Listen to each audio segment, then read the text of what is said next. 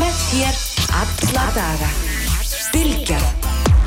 Uppspretta frétta á Sprengisandi á Bilgunni. Sæli hlustundur höldum á stað hér eins og leiði liggur á Sprengisandunum Guðmundur Haldunarsson, prófessor Sakfræði verður hér í lokþáttar Bryndi Sarastóttir, Helga Vala Helgadóttir, Jóti Skúladóttir verður hérna að fjalla um innflytendamál, svona meðlegu leitið. Uh, Þorstein Pálsson fyrir hann dráð þar að verður hérna aðeins að fjalla um Európamál, utanríkismál uh, á eftir en sestur hjá mér Ingrid Kúlmann sem er formaður lífsverðingar sem er félag um dánar aðstóð Sælablessu, velkomin. Takk fyrir. Það eru svona einhver ár síðan þú byrjaðir að láta þig hveða í umræðum þetta. Já. og mér fannst þetta, hefur fundist þetta alltaf mjög áhugavert að lesa það sem hún skrifar og, og náttúrulega saði frá þínni reynslu og eins og vorum aðeins ræða á þann að hérna, fæðin þáði svona aðstóð út í Hollandi. Það passar. Og hérna og, og, og þannig að þú hefur svona þessu persónlega reynslu. En, en svona bara, bara sem grundvallatri bara byrjum þar. Mhm. af hverju þarf þetta að vera til? Hvað er það sem að kallar á þessa aðstóð Já, í fyrsta lagi þá er fullt af fólki sem að verður alvarlega veikt og er með, já, óbærilega þjáningar sem að hefur enga sko leið til að ráða eigin lífslokum og það er auðvitað ímislegt í bóði hér á landi, það er til lífs, uh, lík, líknandi meðferð, Já. það er til lí, lífsloka meðferð Málið er bara, og ég veit ekki hvað þú veist um lífsloka meðferð. Nei, ekki yfirleitt- reynda en líknandi meðferðina, já. Já, en partur af því þegar það er stutt eftir þá er fólk sett í lífsloka meðferð og þá er allt vort og þurrt tekið að þér, þú færð enga næringu og ekki vatn Mhm. og bara morfín, menn kalla þetta líknar uh, fólk, fólk er bara haldið sofandi þetta getur tekið já, átta daga, fjóra daga jafnvel en þetta átján er þá daga eins konar dánar aðstóð Já, nema, nei, vegna þess að, Nei. að tilgangurinn er aldrei að flýta fyrir döðastundinni. Tilgangurinn er í raun bara að, já, leina þjáningar, Mhm. en málið er að þetta er ekki gert endilega með samþykki sjúklingsins, þar að segja oft er haldinn fjölskyldufundur og um, læknir, aðstandendur, hjúkunarfræðingur taka ákveðunum að setja fólk í þessa lífsloka meðferð. Dánaraðstoð er- þá komin á það stig að hann Já. er þá ekki með, með hérna, neina ræn og getur ekki- ekki tekið þátt í Já, eða jafnveg þó að sé með rænu, við höfum mm. dæmi um það líka, Mhm. hann er með, með bara góða dóngreind en hann er einhvern veginn ekki partur af ferlinu, svo eru bara margir sem vilja ekki enda lífsitt þannig eins og pappi minn til dæmis það stóð til bóða að fá lífsloka meðferð Mm. en hann sagði bara ég hef ekki áhuga á því að vera í móki í kannski tvær vikur og hérna á meðan lífið fjarar út, þetta er líka mjög erfitt fyrir aðstandendur Mhm. vegna þess að þeir sitja og skiptast á að vakta Já. og, hérna, og, og, og skiptast á það er meiri sko, áfallastreita e, meiri sorg þegar fólk er að fara í gegnum þetta ferli og við lítum þannig á e, og ég að þetta sé valkostur, mannúlegu valkostur Mm. fyrir þá sem kjósa að fara þessa leið og þetta er raun þetta snýst um að deyja með reist þetta Mm. snýst um sjálfs ákvöðunarétt einstaklingsins og um, ég held að sé komin tíminn til að við förum að ræða þetta í alvöru því að við, við sjáum líka að fólk er að eldast Já. þjóðin er að eldast þar að Já, segja sífælt fleiri til dæmis greinast með uh, heilabilun það er einna hverjum sex í dag og menn tala um það, nú var ég á, á rástefnu Ellendis fyrir viku síðan í Kanada sem að heimssamtökinu um dánarhansna stóðu fyrir. Og það er, er menn að spá því að bara heilabilun, Alzheimer er þetta bara eh, einn af þessum sjúkdómum, heilabiluna sjúkdómum að þetta muni bara ganga frá heilbyrðiskerfinu að því að, að, að þau tala um bæði í Kanada, í Nýjasjálandi, það er svo mikil aukninga því við erum að eldast og þetta er sjúkdómi sem að, Já. já, hrjáir marga. Sko það er, það er hérna, við aðeins höldum lengra, sko það, það eru nokkur hugtöki sem nú erum við búin að tala um dánarast og svo er, Mhm. Já. svo er líka hugtök sem heitir líknardráp, Já, svo er annað hugtök eða, eða uh, hérna, aðstóð við sjálfsví í raun og Já, veru, að já. svifta sig lífi Mhm. Og, og hérna, og síðan er þessi, þessi líknandi meðferð sem þú vorst að nefna sem er eiginlega fjórða, Já. fjórða leiðin, þetta er alls ekki alltaf það sama, sko. nei, um, það er gott að taka það fram að líknandi meðferð eða lífsloka meðferð er ekki dánarastóð Nei, nei. um, og heldur ekki að hætta meðferð, heldur ekki þegar þetta er gert um, án vilja sjúklingsins og þú nefnir líknadráp, það er einlega gamla hugtæki Já. sem var notað þangað til fyrir nokkum árum. Um, Nú í sko eitthvað ljótt orð eitthvað. Já, þetta er ljótt orð og þetta er ekki, lýsir ekki því sem þetta snýst um og við ákvæðum þegar við stopnum félagi 2017 að finna orð sem að væri hlutlust þess vegna byrjum við að tala um dánarastóð mm -hmm. líknadráp er heldur ekki, nú þekkjum við kannski hugtakið euthanasia sem Já. hefur verið notað meðlans í Hollandi það þýðir það er gríst orð og þýðir góður eða mildur döðdagi líknadráp, líknamorð var líka notað já, já og líknandi döði var líka orð sem var nota. Málið er að þetta lýsir alls ekki hvað þetta snýst um. Þetta er að deyja með reist mm. og við ákváðum að tala um dánaranstóð og það er gaman að segja frá því að þessi heims samtök, uh, World Federation of Right to Die Societies, ákváðu núna á fundinum í síðustu viku að nota um, hérna í frá assisted dying sem mm. er dánaranstóð. Já Þetta með assisted suicide sem þú nefndir, Já. við erum, eh, við höfum alltaf tað með okkur að tala ekki um sjálfsvík, aðstof við sjálfsvík í þessu samhengi vegna þess að sjálfsvík og dánaraðstof er bara alls ekki það sama nei, nei. og einhver orðað þetta mjög vel á rástefnu, hann sagði um, sjálfsvík er í raun að velja milli lífs og döða en dánaraðstof er að velja milli tekja döða eða tekja andláta, virðulegs döða eða sálsökafölls meðlega millir tvekja leiða til þess að ljúka lífinu leiða til að, til að, að, að -hmm. ljúka lífinu. Og málið er að hérna sjálfsvíð er bara alls ekki það sama. Fólk deyr eitt. Það er ekki falla aðkoma yfirlegt, það er miklu meir sorg. Mm. þetta er allt annað. Þannig að við tölum um dánar aðstof uh -huh. aðstof við að deyja, það eru mismundi leiðuröta sem að menn fara mm. varðandi dánar aðstof En sko það sem er hérna að því þú sagir þetta þetta er snýru að réttinum til sjálfsákurinn að mhm. réttinum já, já. en þá sér maður náttúrulega mjög víða í skrifum heilbriðist þetta að, mm -hmm. og þeirra sem hafa fjallað um þetta frá þeirri hlið mm -hmm. að, að þetta eru þetta þessi sjálfsákurinn að réttur hann, hann nær inn á mjög viðkvæmt svið annars fólks já, sem að þarf að aðstóða viðkomandi og, mm og hérna getur fundið getur lendið þeirri stöð að finnast vera, mm. það vera knúið til að aðstóða einhvern við að hérna, ljúka æfinni en hefur þó allar tíð helgað sig mm -hmm. því að halda lífi í fólki Já. og þetta er hérna, og maður skilur að þetta er, er flóki mál fyrir helbriðstjættin að, að horfa framann í. Það er það og það er hlutverk lækna til að mis að lækna en ekki heiða. Um, það er mikilvægt að taka fram í öllum þeim löndum sem, sem dánaránstöð er leifileg, þar er aldrei hægt að skilda læknum til þess að veita dánaranstóð. Læknar ganga náttúrulega valla gegn, gegn vilja sjúklingar sinna í svona stöðu. Jú, jú, jú, jú, það er það til dæmis þannig í Hollandi, þú getur neitað Já. en þá verður að vísa sjúklingnum á annan lækning. Já. Það er eins í Nýja Sjálandi, það er eins í Kanada til dæmis þar sem þetta er leifilegt. Þannig að auðvitað getur verið að þetta stríði bara gegn samfæringu eða, eða gildum læknis og hann getur neitað. Þannig að það er mjög mikilvægt að taka það fram. Það þurfa ekki allir, allir læknar að veita þess að þjónustu heldur. Nei, sko, hérna rétt til þess að svona kortleiki það líka, ég meina, þetta er ekki leifilegt á Íslandi, þetta er ekki leifilegt á Norrlandunum, ekki Breitlandi, en þetta er leifilegt í Hollandi, Sviss. Það eru mjög mörg lönd já, núna bara nýra á, á, já, á bara síðustu sex árum að þá til dæmis, jú, Holland, Belgia náttúrulega 2002, Luxemburg 2009, Sviss er búin að vera með þessa leið að geta fengið aðstofið að binda enda á eilíf mm. síðan uh, 1942 já.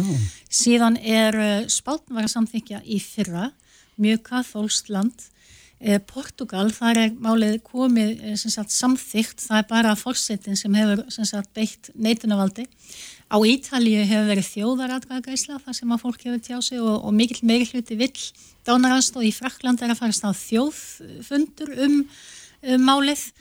Breitland, jú, Skotland er komið frekar langt, á Írland er mikil umræða, um, í uh, Jersey Isle of Man, það eru 11 fylki í Bandaríkinum, mm. nánast öll fylki í Ástralju, í Nýjasjálandi, í Kolumbíu uh, og Oregon í, í Bandaríkinum var með fyrstu fylki, menn það eru mismundi leiðir til að veita dánarhanstáða því að þú nefndi sko uh, lækni þarf alltaf að koma að þessu og það er alveg rétt en það eru mismundi að mismundi aðkoma. Mm.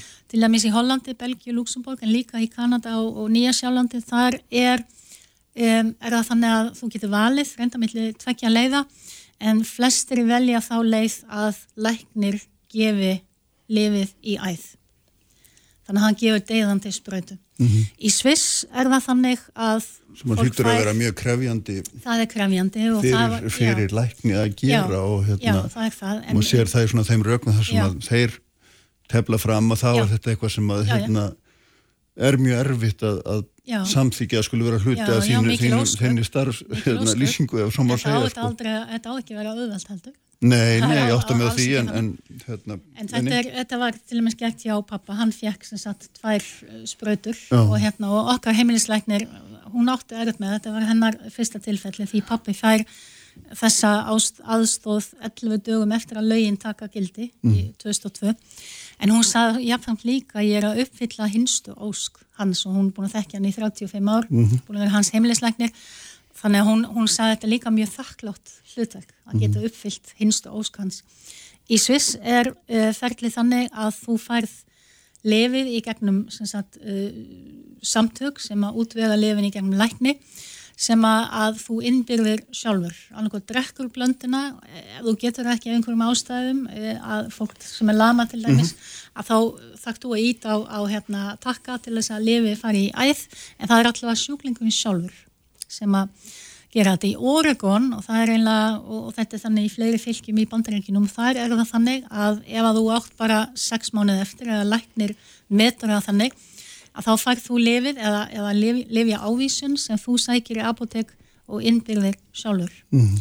Og þetta eru mismundi leiðir, við höfum sem félag ekki tekið afstöðu þess hvaða leið væri best hér heima, við höfum samt spurt almenning og flestir eða 48% rúmla vilja fá lifið í æð ef að þeir myndu þykja dánarastóð.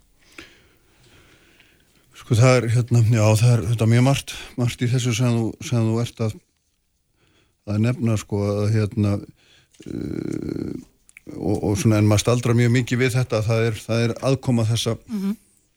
Heilbriðstarfsmanna. heilbriðstarfsmanna, það er þetta það sem er eiginlega svona uh, stóri stóra málið en svo sér maður þetta líka að hérna, það hefur þetta verið eins og nefndir við mig áðan að hérna áðan við byrjum að það tók 30 ári í Holland að koma Já. gegn og þetta gengur hægt og það er, hefur þetta verið mjög vikil andstaða við þetta víða. Já, já, og hérna gengur náttúrulega mjög hægt að koma þess að dagskrá hér, já. svo dæmis í tekið. Það gengur hægt, eh, við erum samt bjart sín, við erum búin að gera kannanir eh, bæði 2019 og núna 2022 og það kemur í ljósa stuðningur almennings er í svona í kringum 76%. En þegar fólk er spurt, myndur þú vilja fá þetta fyrir þig? Ef að þú sagt, væri í þessum aðstæðum, myndur þú vilja fá aðstóð læknis hérlendis, þá segir ég vel 82% já. Stuðningur helbriðstarfsmann er líka aukast.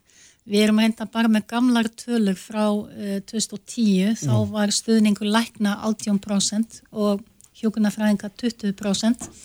En nú var sem sagt kona í læknisfræði sem að gerði BS-verkefni þar sem að hún gerði viðhórskonun meðal lækna og hjókunarfræðinga á aðgerðar og meðferðarsviðum landsbítalans. Þetta er náttúrulega ekki reysa úrtak en gefur ákveðna vísbendingar og þarna kemur í ljós að 54% lækna og 71% hjókunarfræðinga hafa jákvægt viðhorf til dánaranstöðar. Þannig að það er, það er breyting. En finnst þér ekki í grunninn, er, er það ekki sko, bara mjög óréttmætt ósk til einhvers að byggja hann um það að, að verða annari manneski í raun og veru að aldur til það? Já, ég er ekki alveg sammála. Ég, ég, mér finnst að sko, þetta í að vera, sko, þetta er mitt líf. Ég, ég fæ að ráða hvernig ég lifi lífinu. Ætti ég ekki að hafa eitthvað um, um minn döðdag að segja og ég veit að læknar í Hollandi auðvitað eru sumir á móti og veita ekki þessa dánaranstóð en aðri segja, sko, þegar auðvitað þannig að, að maður vill aldrei missa ástfinn en þegar þjáningin einn er eftir því að þetta er ofta ekki fallegt. Þegar fólk er eins og pappi með hérna heila eksli hann var búin að veik, vera veikur í þrjú ár hann var rúmleikjandi, rúmleikjandi undir það síðast að hann þurfti aðstof við allar aðtapnir hann var mjög kvalinn þrátt fyrir að fá líkna meðferð og það kom í ljós að geisla meðferðin sem hann fór í að því að þetta var ekki skurðdægt þannig að hann var settur í geisla meðferð og geislameðferðin bara eiginlaði barkalókuna þannig að hann gæti ekki drukki lengur og, og, og, og borðað og þá er sagt, jú, getur náttúrulega farið á spítala og þá farið bara næringi æð mm. en hann sagði bara til hvers að lengja Já. lífið og þetta er eitthvað sem að mm. komur enda fram, ég var með fyrirlestur um daginn á landspítalanum fyrir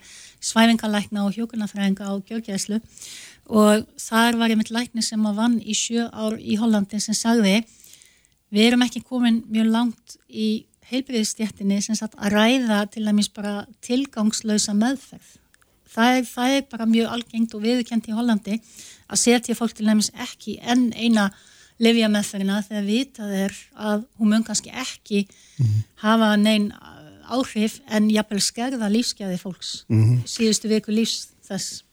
En nú er þetta þannig að sko fólk getur fólk getur verið mjög kvalið og, og þú talar mm -hmm. mikið um það þínum greinum með þjáninguna mm -hmm. án þess að vera döðvona það er alveg hægt.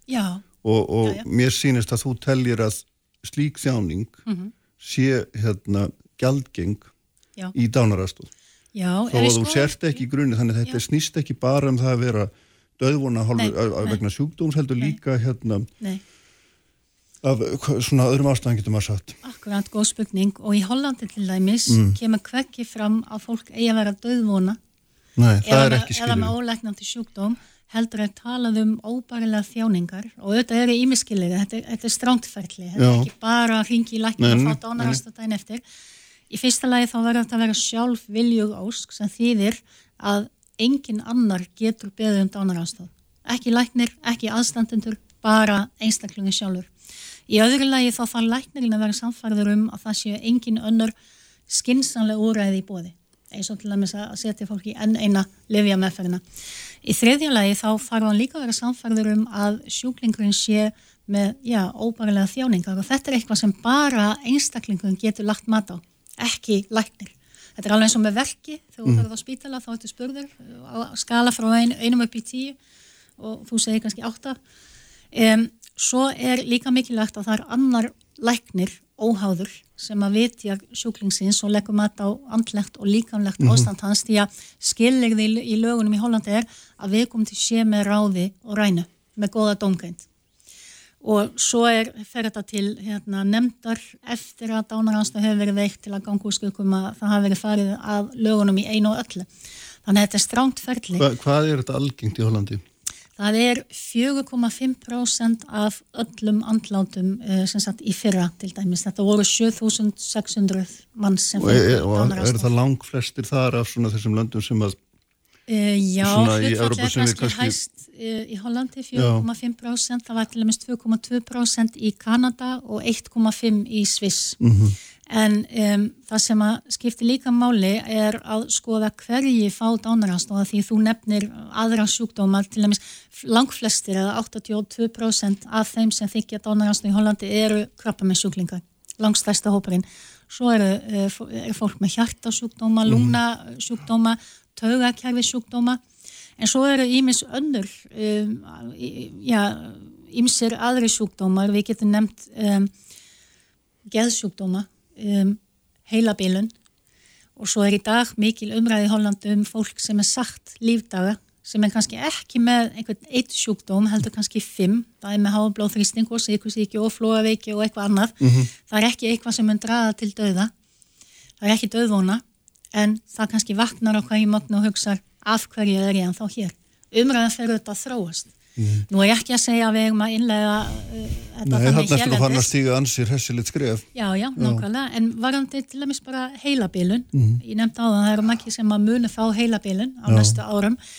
Um, í Kanada er núna verið að ræða það sem þeir kalla advanced request. Það er að segja að þú getur uh, lagt inn beðni fyrirfram og gefið þá til kynna hvað þú tilur ásættanlegt eða ekki ásættanlegt. Mm -hmm. Þegar ástand mitt verður nefnum tiltaknum hætti já, þá... Já, ef ég missi til dæmis bara dómgændina, það er auðvitað mm. þannig að á aðkvæmum tímapunkti þá er ekki hægt að treysta dómgænd fólks lengur þegar það er með, með Alzheimer og þeir vilja innlega það í Kanada að það sé hægt að gefa til kynna fyrirfram hvenar tími verður komin til þess að fá mm -hmm. dánarhanstan þetta er alltaf umræðast í en umræða verður að þróast og Já. það er kannski fyrst og fremst það sem við erum að hugsa um í Já. okkar fjallagi Þetta er alltaf mjög viðkvæmt með, með fólk sem að tapar að því að þú ert öðrum þræði að tala Já, um já. og hins vegar ert að tala um fólk sem að hérna, hefur ekki lengur dóngrind til að taka ákvarðunum.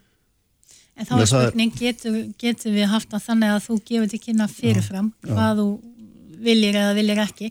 Það sem okkur vantar náttúrulega hérlendis er um, plagg sem var til, þangað til uh, þávarandi landlæknir laða niður sem hétt lífsskrá. Á ennsku heitir þetta living will eða þetta er svona lífsviljanskrá hefur við vilja kalla það, það sem fólk getur gefið til kynna. Og þetta var þetta 2015 vorum við ekki komið með upplýst samþykja eins og varandi uh, líffaragjöf sem er komið núna. Það var lagt niður en það væri mjög gott ef það væri til. Og auðvitað í framtíðinni þá væri það líka ákvæðið um dánarastum. En uh, sko, eitt af því sem að maður svona sér fyrir sér, eða minnst ástu fyrst ekki fjallat, er að, er að, hérna, að heilbríðiskerfi sem er að springa af Já, vegna það er svo dýrt. Og það er allstaðar og við erum að þjóðir eru eldast eins og þú ert að nefna réttilega og sem vel- veldur því að við okkur líður betur í fleiri árin verðum auðvitað hérna, þeimin veikari þegar að, að því kemur. Já.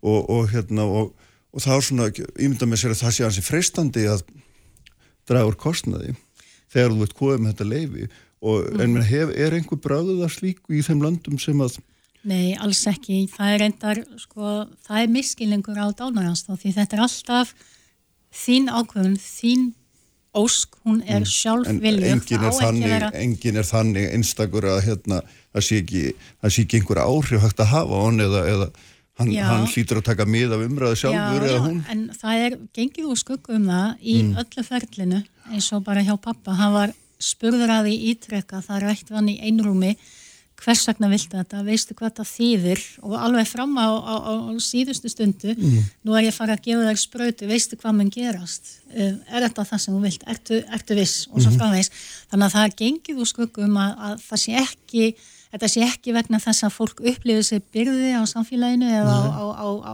ástöðunum eða sínum nánustu. Og þetta sé ekki svona þrýstingur samfélagsins heldur. en þú rættir á hann um að fólk getur verið satt lífdaga Já, já, en það þarf ekkert endilega að vera vegna þrýstings aðstandenda. Það er Nei, bara nei, það að en- ég er bara orðin þreytt og já, ég er en, að en vissulega gæti það verið líf. hluta því Já, já, en við, við, sko, þetta með kostnaðin, auðvitað er miskilningu, ég mann til hans eftir því þegar Mhm. þetta var löglegt í Hollandi, að þá byrjuðu þjóðverjar að vara fólki við því að fara til Hollands í frí, sem sagt sérstaklega eldriborgarar voru svona, þeim var sagt að fara helst ekki til Hollands í frí, því ef þú lendir á spítala, þá ertu kannski bara tekin að lífi.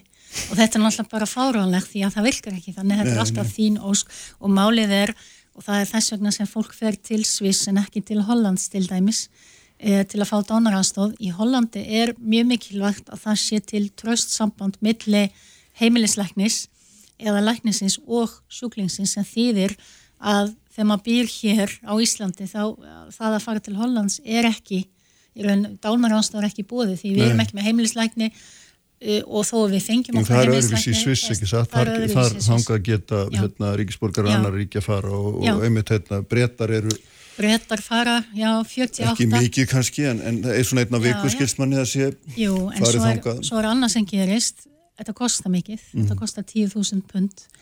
Það er hægt að sækja fólk til saka sem fylgir sem sagt, ásteininum til Mhm. Sviss, þannig að fólk fer þessa ferð yfirleitt eitt og það er líka, það er líka mikið um sjálfsvið. Það kom í ljósi í, Hollandi til dæmis þegar lögin tóku gildi að þá fækkaði sjálfsviðum því að það er mjög margir og það, eru margar sögur að berast núna frá Bretlandi þar sem fólk stýtti sér líf, það treysti sér ekki lengur til að lifa, kemst ekki til Sviss af einhverjum ástæðum og bara ákveður að, taka bara máliðið sína reygin hendur. Þannig að það er líka það sem gerist, það er, það er minnum sjálfsvið.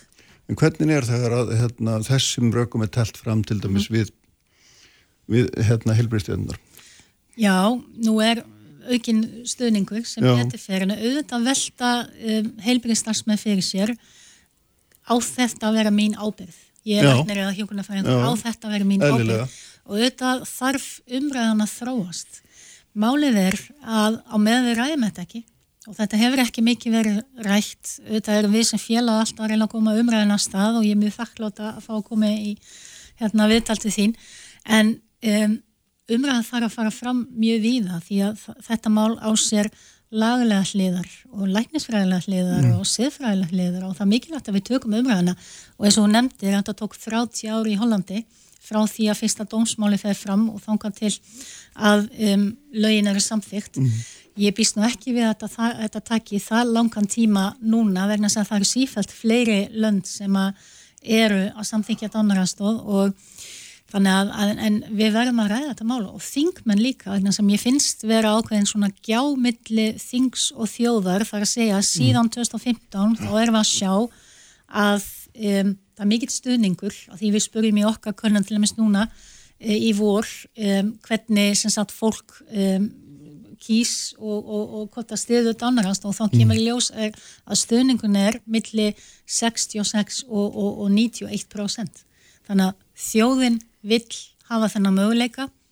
Þingið ræður ekki máli það reynda búið að leggja frá uh, þingsáleittuna til auðvitað tvísar og ég veit að Bryndís Haralds og Helga Vala vera hér á eftir já. Helgadóttir og, og þær báðar eru fylgjandi dánarast og, hef, dánarast og hafa um, lagt fram uh, þingsáleittuna til auðvitað og um bæði skýslu sem, sem heilbyrðisráð þar að skilaði 2020 þar sem kom fram sem sagt hvernig svona með fara þessu í þeim löndin sem við berum okkur sama við, það sem, bæði það sem þetta er samþygt og það sem þetta er ekki samþygt en um, partur af þessari tilöfu var líka að gera könnun meðal heilbyrðistansmanna og hún er eftir. Mm. Ég vona að þessi þings áleituna til að fara ekki um þingið. Mm.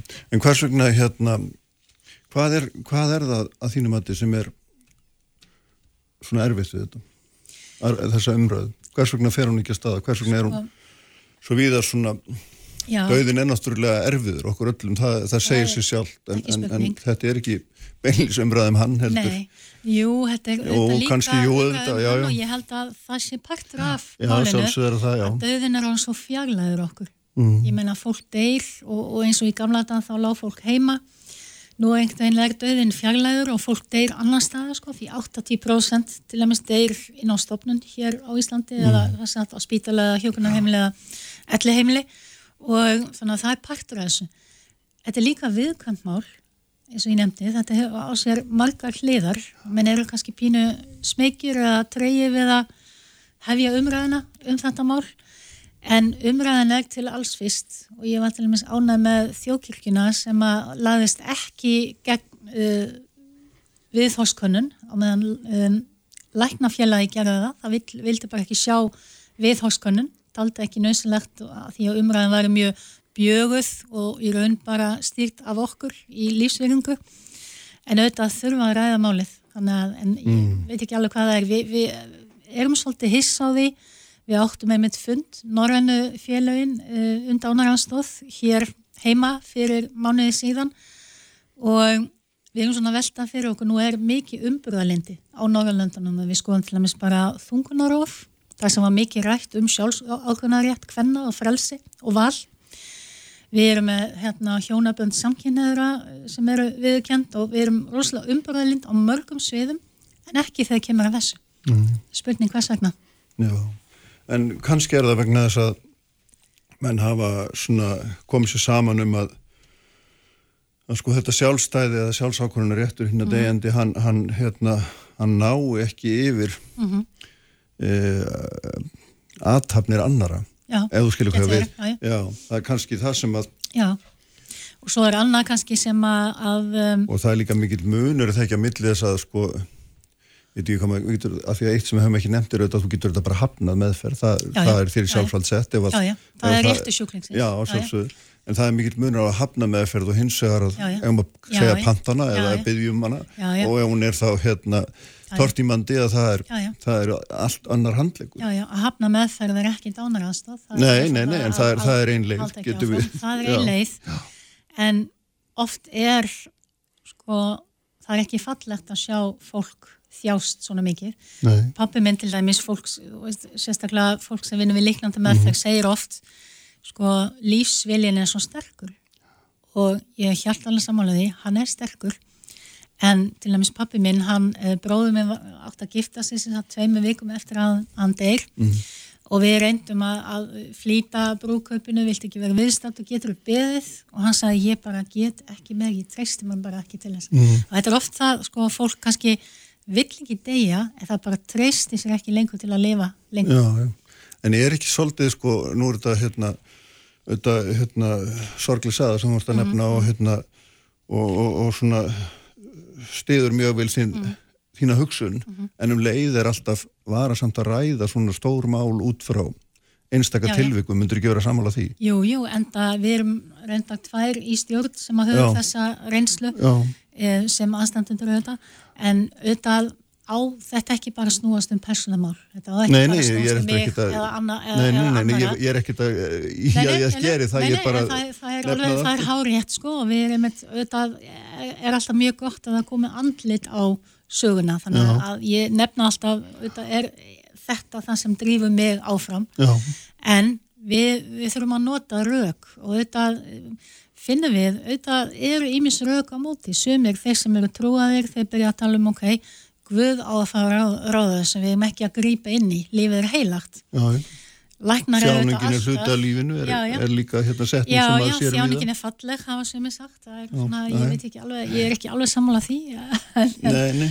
en hérna, en auðvitað eru læknar alltaf að grýpa inni. Þú ert líka að grýpa inni sem læknir þegar þú ert annarkot að hefja meðferð, leggja til að skera upp eða skera ekki upp og svo framveist. Það er, það er samt alltaf í ákveðna átt sem er þinn köllun að framlengja líf, já, því það er hitt með í starfvíksat, en hitt er... Já, já, svo er það það, sko, framlengja líf í hið óendalega, þar að segja læknis, sko, fræðinni náttúrulega fleitir áfram, sko, mm. erum, það er hægt að gera svo margt í dag til að halda fólk á lífi, en við þurfum líka hugsa um lífsgæði. Já. Þetta snýst ekki bara um að draga lífið í hið óendalega, heldur líka hver eru lífsgæði, því að við skoðum bara til dæmis ástæðna fyrir því að fólk byður um dánaranstóð Þetta er ekki vegna líkanlega verkja, þetta er fyrst og fremst vegna þess að fólk segir þetta er ekkert líf, það eru engin lífsgæði eftir. Eins og mm. pappi minn sem er umlikjandi sem kemst ekki, hann hefði ekki einu sinni að því að ég var mjög ósátt við fyrirverandi hérna, yfirlækni eh, líknadeldar sem að sagði út á svitali ef að fólk vill ekki lengur lifa þá getur það bara fram með sjálfsvík. Mm -hmm. Málið er að þetta er ekki svona einfalt. Í fyrsta lagi þá finnst mér að læknir ætti aldrei að hvetja fólk til að fremja sjálfsveit. Í öðru lagi þá hefði til og með pappi minn ekki geta gert það einu sinni því hann var umlikjandi, ég veit ekki hvernig hann hefði átt að fara því að mm -hmm. stitta sér aldur. Þannig að þetta er ekki það sem að við þurfum líka að hugsa um, við þurfum að hugsa um lífsgæði og þetta er að verða sífælt starra vandamál. Það er hægt að gera í mislegt til að halda þér lífi enda laust en er það það sem við viljum? Stýstum lífsgæði og þetta er Það það, sem er í fyrsta seti. Já, já, og við þurfum bara að halda þessari júna er, er, að því við erum búin að tala þessum að hérna, það fari eitt breyti á viku um það byrj til Sviss. Hérna, eru, þekkir þú til þess að Íslandingar að við farið til Sviss á síðust árum? Já, það er ein í stjórn með mér sem er reynda frá Sviss en maðurinn hennar sem var Íslandingur, hann var með heilaæksli og hann fór til Sviss 2013 og um, Málið er að þetta var pínu svona höss-höss þar að segja maður þarf að fá geðlækni til að leggja mat á um, andlegt ástand er viðkomandi með ráð og rænu og, mm. og, og, og með góða dómgreind og þau sögðu honum ekki frá því hvers vegna þau væri að reyna að fá þetta mat. Mm. Þannig að En fyrir utan þetta þennan mannst þá vit við um 5-6 mann sem hafa leita til okkar. Fólk miskilustundum hlutverk félagsins heldur að við séum að veita dánaranstóð, það er náttúrulega alls ekki okkar hlutverk heldur að upplýsa fólk. Já. og við vitum allavega 5-6 einstaklingar sem að hafa vilja komast til Sviss, það er nokkuð samtök í Sviss sem veita þessa þjónustu. Dignitas, Exit International og Pegasus. og hérna, en auðvitað er þetta allt trúnamál og við erum ekkert að, að hérna, nei, nei. og við erum alltaf að vonast til að einhversi tilbúin til að, já, kannski gera heimildamind eða, eða að sé hægt að fylgja einhverjum eftir mm. til Sviss til þess að svona vita betri einsýn í hvernig, hvernig þetta fer fram.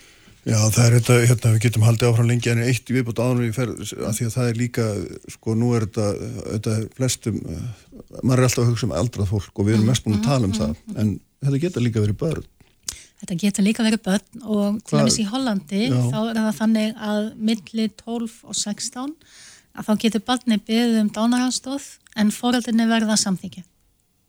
millir 16 og 18 Það er semst börnum er veitt þessi aðstofa börnum er veitt aðstofa og ég meina ekki glemma því, börn geta líka fengið kappa menn og svo, aðra alvarlega sjúkdóma eða lendi í sleysi já, já. Milli 16 og 18 þá getur barni beðið um dánarastóð og það er skild að upplýsa fóraldana en barni ræður ferðinni og eftir 18 ára þá náttúrulega eftir bara orðin fullorðinin. Í, í Belgju eru lögin jafnvel aðeins víðari og, og börn frá 12 ára geta beðið um dánarastóð. En þetta er partur á umræðinni. Já, sannlega mm.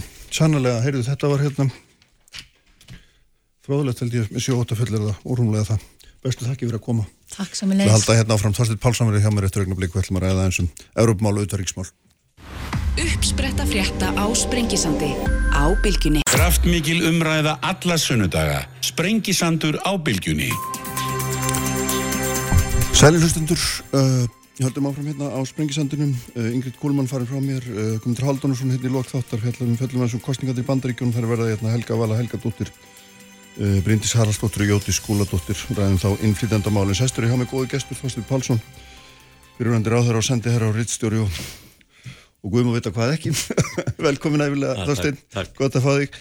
Uh, hérna, sko, langaði þess að fá þig til þess að, að spjalla það var nú kannski þessi svona kveikjan er kannski aðeins þessi, þessi ummæli Kristrúna Frostadóttur um að hérna að uh, Europolmálum væri ekki forgangi á samfélkingunni og þið eru svolítið viðræstna fólkið eiginlega eitt eftir eina stjórnalafli með þetta svona í, á ottinum og maður held svona eitthvað með þegar Úgrænu stríði byrjaði og maður sá þess að bylgju Evrópu að hérna, menn væri að þjapa sig meira saman Finnland og, og Svíþjóð gengi NATO og eitthvað með þetta væri svona Já, það var hérna talið meira áherslu að vera inn í stóri heild heldur en utan. En þetta hefur ekki haft þessi áhrif hérna heima. Jú, á, vissan hátt hefur það nú gert það því að skoðanakannanir sína mjög svona svipuð viðbröð eins og urðu í Finnlandu og Svíþjóð. Þegar að styrjöldin hófst og þá, þá breyttist afstafa fólks í skoðanakonunum munurinn er hins vegar sá að, að, að þar tóku ríkistjótinnar málið upp þegar að þær fundu að það var áhugi meðal fólksins.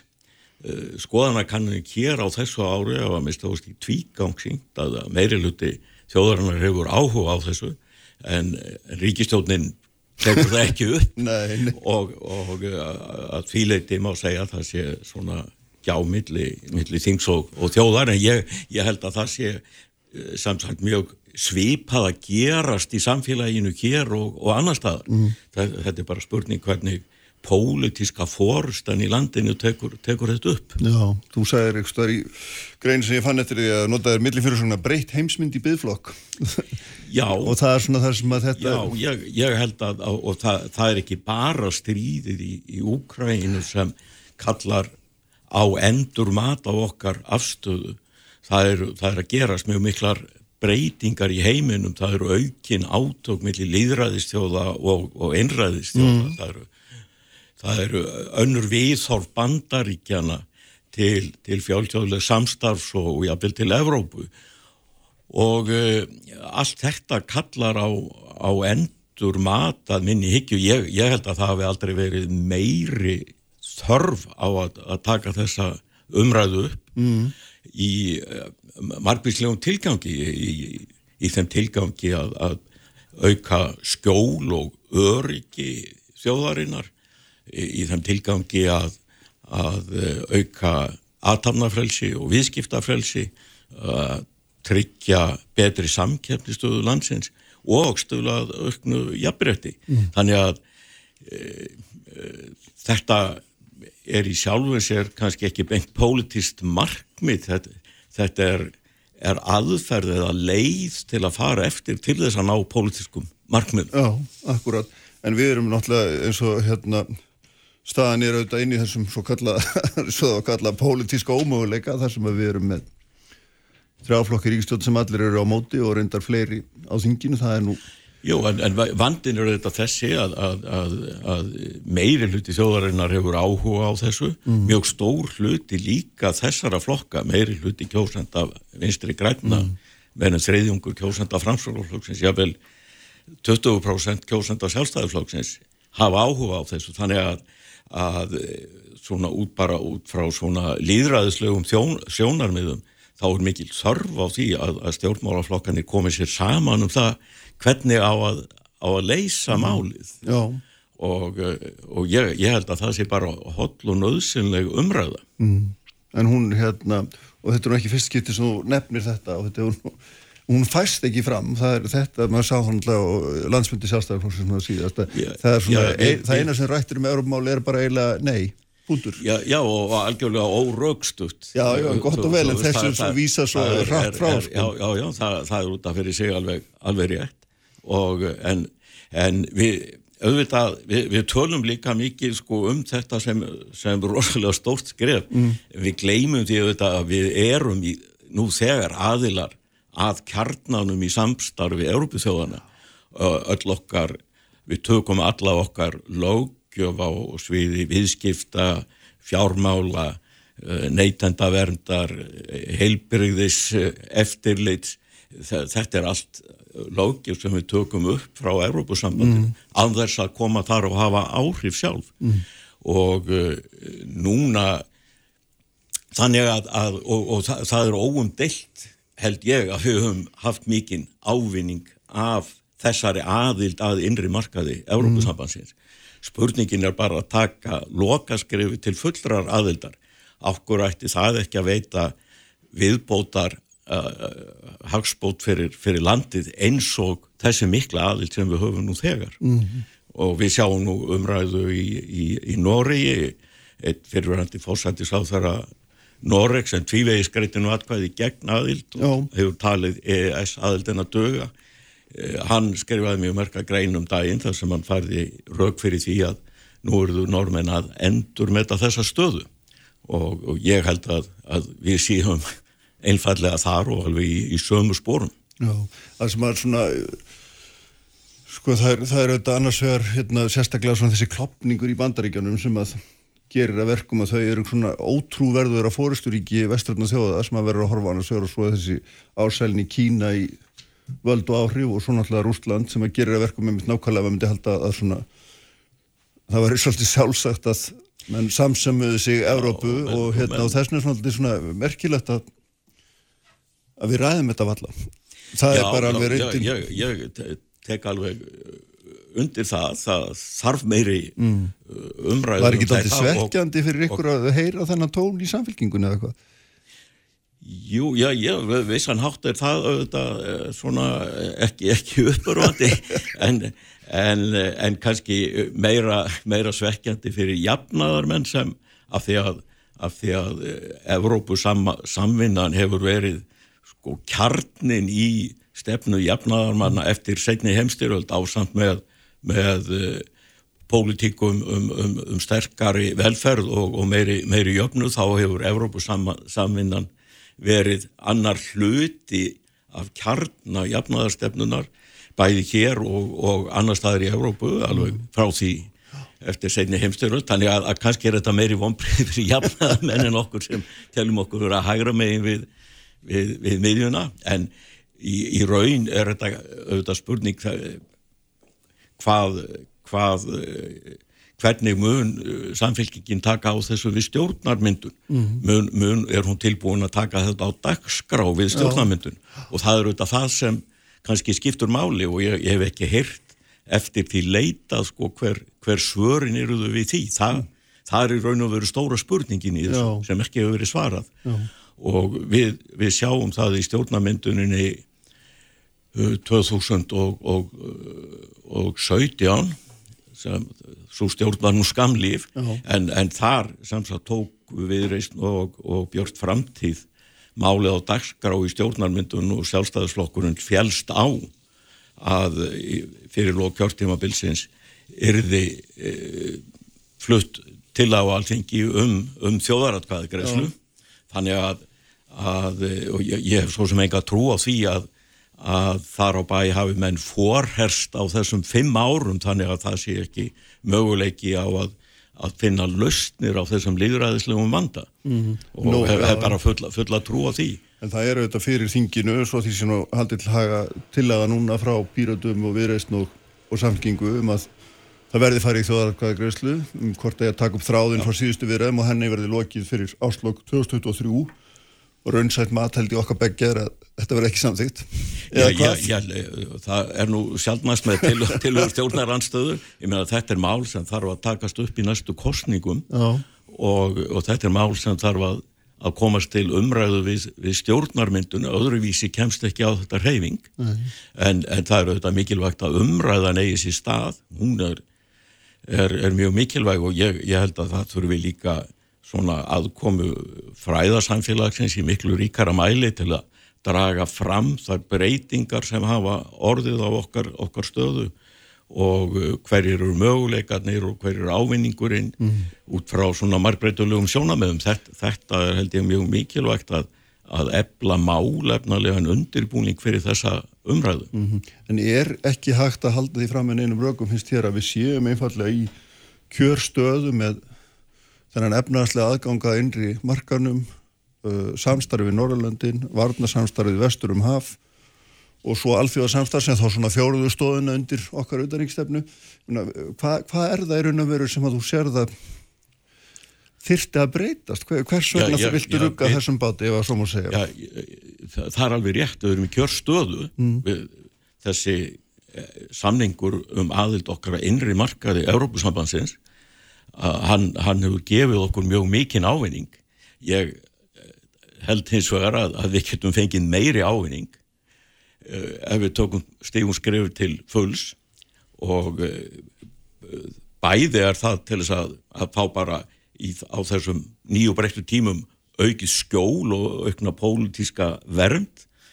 Við sjáum bara hversu mikil hætta það er þegar að, að þjóður verða of háðar viðskiptum við, við einræðisríki, þjóður eru nú bara gott dæmi Já. um það, þannig að, -hmm. að við þurfum að huga meira því að, að treysta frjáls viðskipti við líðræðisríkin í heiminum og, og það er bara Evrópa langstæsti markaðurinn, en, en þetta er líka spurningum um það að bæta samkeppnistöðu landsins við höfum dreyist aftur úr viðskiptar ábyrti fyrir á þessu ári tölur sem sína að, að varðandi erlenda fjárfestingu og, og allsjóða viðskipti þá, þá hefum við fallið niður á mm. allsjóðlegan mæli hvarða og á síðustu tíu árum og við erum langt á eftir öðrum Norðurlöndum uh, við skulum líka að, gera grein fyrir því að, að við erum með kerfislegan vanda þar sem er er eh,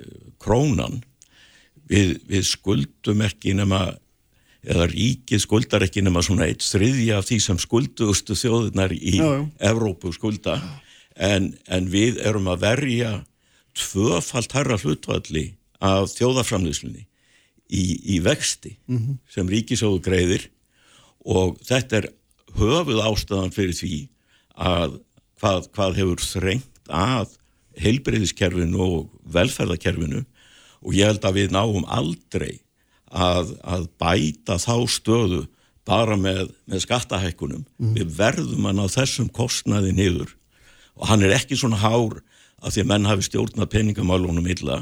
Þetta er kerfislegur vandi og, og við þurfum að taka á honum. Innbyður í gældmiðlunum. Já, Já. og, og það er engar einfaldar lausnir. Það, við, það er ekkert sem við getum sagt. Við bara rettum þessu morgun. Og, og, og þetta er langklaup en menn verða að leggja á stað. Og þessi námenn þessu markmiðum ekki. Og, og skrefið frá þessari miklu aðild sem við höfum í dag til fullra aðildar mm -hmm. að það, það getur bætt stöðu okkar mjög víða mm -hmm. efnagslega og ekki, ekki síður í að tryggja aukið jafnbretti það er mikið misrétti í því fólkið að, að hluti af, af okkar hagkerfi er fyrir utan krónu hagkerfi, stærstu fyrirtækin og, og, eh, og þau taka lán í erlendri mynd vakst ákvarðan í Sæðlabankans hafa engin þenslu uh, hamlandi áhrif og þau, það eru vakst ákvarðan í Sæðlabanka Európu og Ameríku mm. Uh, okkar Sæðlabanki hann nær til þess að, að hemmja húsnæðismarkaðin eða hleypunum á staði eða draga niður og, og hann, hann getur haft áhrif á, á minni, minni og meðalstól fyrirtæki en þetta þýðir að það er misrétti á milli þeirra fyrirtækja sem er í krónuhagkerfinu og hinna fyrirtækjana. Mm. Það er misrétti milli launafólksins, milli fiskverkakonuna sem allar að fjárfæsti íbúð og eigenda sjávarútis fyrirtæki sem allar að fjárfæsta í nýjum eignum og, og uh, þarna, þarna er leið til þess að, að draga úr þessu misrétti um leið og styrkjum mm. efnaðslega stöðu. Þannig að það, það er svo það er á svo mörgum sviðum mm -hmm. þar sem þetta lokaskref getur styrt okkur í að, að, að bæta kjörin og, mm. Og, og aukin jöfnuð í landinu. En ertu, sko, nú er hérna, hefur náttúrulega Európa sambandi tekið miklum breytingum og það sem að svona, kannski ídlu heilli er um það hægt að segja að það eru einni ríki sem að eru svona á mörgu þess að geta kallast líraðisríki og Európa sambandi ánum bara í stórfældum deilum við ungverja svo dæmis í tekið, pólverja Jú, um mörg ja, mál og það, finnst, alveg, finnst þér, já, finnst þér ennþá ja, sko, eftir svona verðt að sitja til bors frátt fyrir þetta eða hvað? Það, það er alveg, alveg hár rétt að, að það, það eru bæði til hægri og vinstri uh, flokkar mm. í, í Evrópu en það vandamáli líka í allarsbandalæginu, þess að þjóður eru allar líka í allarsbandalæginu og okkur þetta er ekki huga að fara þaðan út af því að þessu vandamáli eru af, því, að, að, að þessi vandamál eru uppi mm. og, og þetta er bara ég, ég held að, að aukin styrkur líðræðislegra afla og aukin samstaða sé eina leiðin til þess að vinna gegn þessu mm.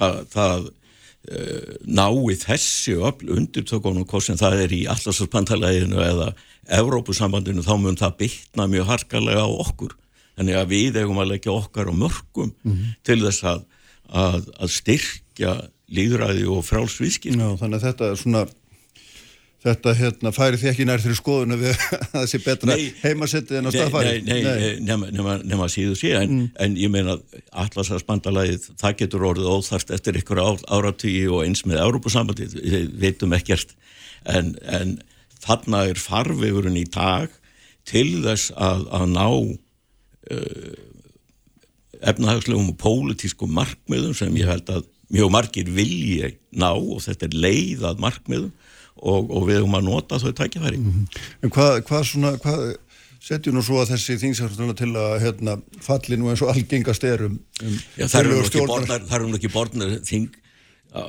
þingsáleiktanir stjórnar anstöðun og sjálfnar spórnar undir atkvæði sko. Nei og það komast ekki eins og til atkvæða en, en ég menna, en ég menna þetta, þetta er spurningum um það að að setja málið á dagskráfi stjórnarmyndunar viðræður eða í stjórnarmyndunar viðræðum og, og það er spurningum það uh, fær einhver flokkur nægilega mikið fylgi eða einhverjir flokkar nægilega mikið fylgi mm. í kostningum til þess að gera það af, af sæmilum þunga og, og þess vegna er þessi umræða mikilvæg. Já. En ert ekki samt svona, myndur ekki vera samála með þegar ég segja að þetta Umræða með Örbu, hún hefur uh, hún hef, fer stig mingandi, hún, hún er, var nánast ósýnileg í síðustu kostningum og, og, og hérna og það verður að erfiðar að, að setja hann eitthvað svona miðpunt efnaðsumræðu eða, eða, eða með öðrum hætti.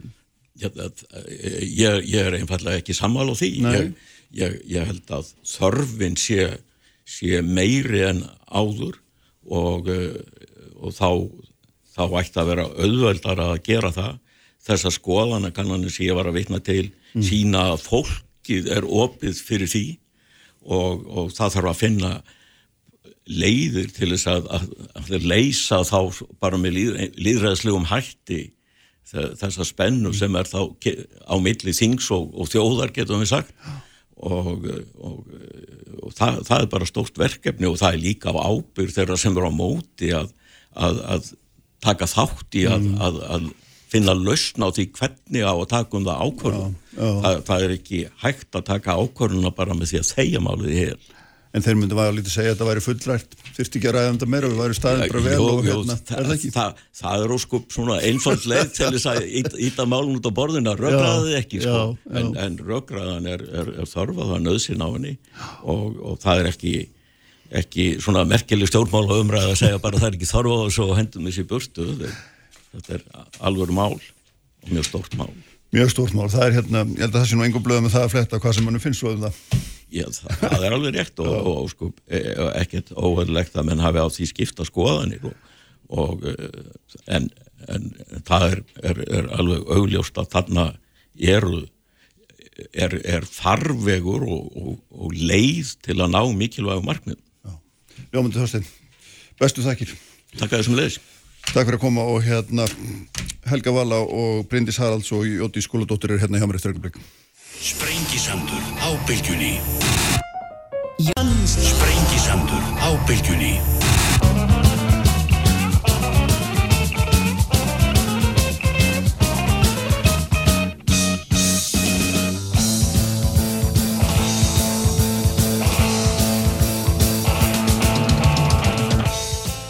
Sælir hlustendur aftur uh, höldum áfram hér. Uh, Þorstein Pálsson farin fram með Guðmundur Haldansson verður hérna í lokþáttar lítum þá aðeins vestur um haf í bandaríkjana uh, í úrslitt kostningarna en þær eru hérna hjá mér Jótis Skúladóttir uh, Helga Vala Helgadóttir og Bryndis Haraldsdóttir allar á þingjöðu Jótis fyrir Vafki og Helga Vala Samfélking og Bryndis Sjálfstæðarslokk sko mér langaði þess að halda áfram að ræða þessi innflýtjandamál, ekki að kalla það útlendingamál Það hefur mér mjög mikið deglunum þekkjum, þetta er deglunum búin að vera ára tugi hérna í nákvæmlega löndunum og mikilvægt svona þetta þetta spinnist nú allt saman þokkalega vel áfram. En við erum alltaf stödd í því núna að vera að þræta um það hvort að einhver hópur af fólki sé á göttun í Greiklandi ekki. Og það er svona kannski fyrsta brindis að hérna, sko ég veit að þú hérna, hefur ekki kannski nákvæmar uppsingar um hvern einasta mann en En það er nú svolítið mikilvægt er það ekki fyrir okkur ef við erum að senda fólk á annar borð á svona slóður að við vitum cirka hvað um það verður. Já, algjörlega, ég er alveg sammála því og maður auðvitað gerir ráð fyrir því að þegar grísk stjórnvöld hafa veitt einhverjum vernd að, að það sé þá einhver raunveruleg vernd mm. í því fólkin og uh, eins og ég hef nú myndið verið að segja í þessari umræðu þú veist að þá snýst þetta um ákveð kerfi sem erum með sko og hérna þessir aðlar hafa fengið vernd, útlendingastofnir sinjar þeim um málsmeðferð og kærunemdin uh, hérna, tekur undir uh, þá ákvörðun. Uh, í úrskurðum kærunemda er vísa til aðstæðina í Greiklandi og það eru held ég einhverja 20 skýslur þar undir í þessum úrskurðum, ég viðkenn það, ég hef ekki lesið þær allar. Mm. Það er alveg tekið fram í, í úrskurðunum að, að aðstæður hérna séu kannski ekki sérstaklega góðar Eh, en eh, kærunemdin og þá útlendingastofnun telur það einhvað síður eh, geta samræmslögum og það sé ekki ómannúðlegt með einhverjum hætti að senda fólk til Greiklands.